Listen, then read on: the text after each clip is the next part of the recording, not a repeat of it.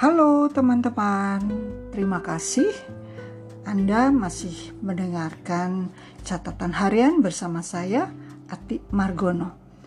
Catatan harian kali ini, saya ingin mempersembahkan sebuah tema yaitu mengenai kritik. Pernah nggak Anda menerima sebuah kritik? Apakah itu kritik yang membangun atau kritik yang menyakitkan?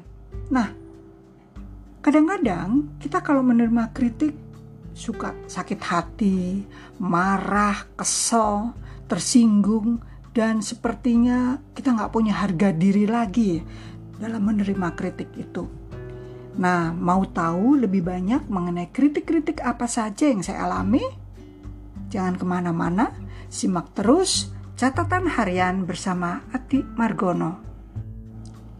Teman-teman, saya ingin membuka sebuah lembaran lama, tepatnya di tahun 80-an, di mana saya awal bekerja. Nah, sebuah kritik yang saya terima. Di saat itu, saya masih remaja ya, sambil bekerja saya kuliah dan juga masih minim pengalaman, masih minim skillnya dan juga anak baru yang masih kinyis-kinyis seperti itu. Nah, dengan keterbatasan itu tentunya seorang teman baik saya dia memberikan kritik kepada saya. Apa sih bisanya si Ati? Bisanya cuma jadi MC aja. Memang terus terang sebelum saya bekerja di tempat itu, saya adalah seorang penyiar radio di mana saya mendapat kesempatan untuk menjadi MC buat saya agak kesel ya mendengarkannya. Emangnya gue bisanya apa gitu ya?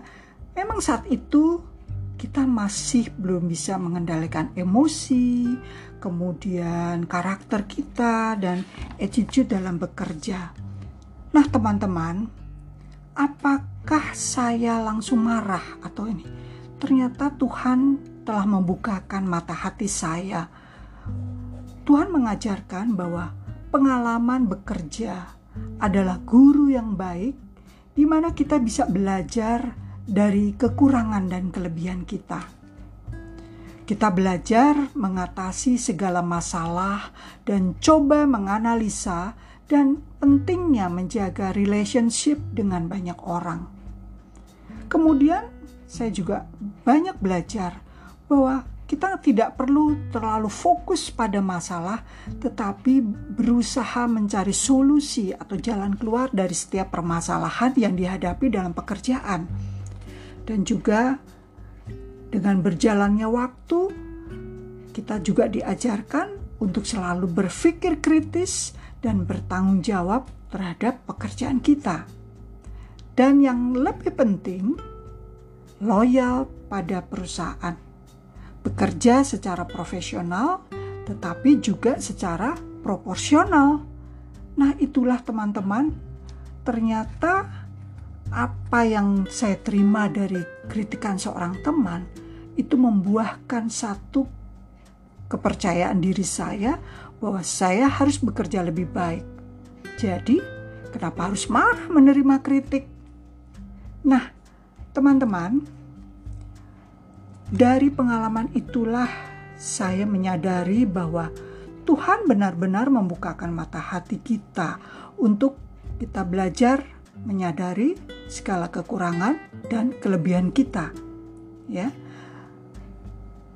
Keberhasilan bukan dinilai dari berapa banyak gaji yang kita terima, berapa besar atau berapa tinggi jabatan yang kita raih Keberhasilan juga dinilai dari kehidupan rumah tangga yang baik, yang harmonis, yang rukun, dan juga keberhasilan dinilai dari bagaimana kita mendidik anak menjadi seorang sarjana atau dengan membimbing anak-anak kita untuk meraih impiannya. Keberhasilan juga dinilai bagaimana kita mempunyai relasi yang baik dengan banyak orang.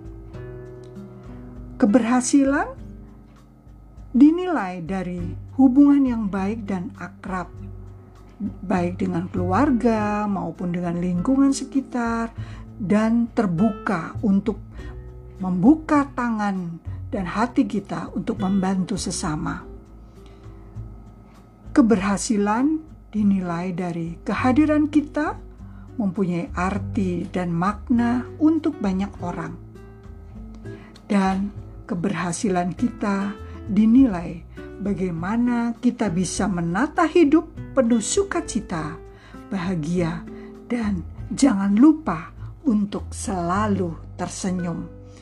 Nah, teman-teman, itulah sharing saya untuk catatan harian kali ini di mana kritik jangan kita tanggapi secara negatif, tetapi kita harus belajar banyak bagaimana menjadikan kritik itu menjadi hal yang positif. Orang yang mempunyai pengetahuan menahan kata-katanya dan orang yang punya pengertian akan tetap tenang. Dari Amsal 17 ayat 27. Cepat mendengar, tidak cepat bicara, dan tidak cepat marah. Yakobus 1 ayat 19. Demikian catatan harian bersama Ati Margono kali ini. Terima kasih Anda sudah setia untuk mendengarkan. Tuhan memberkati.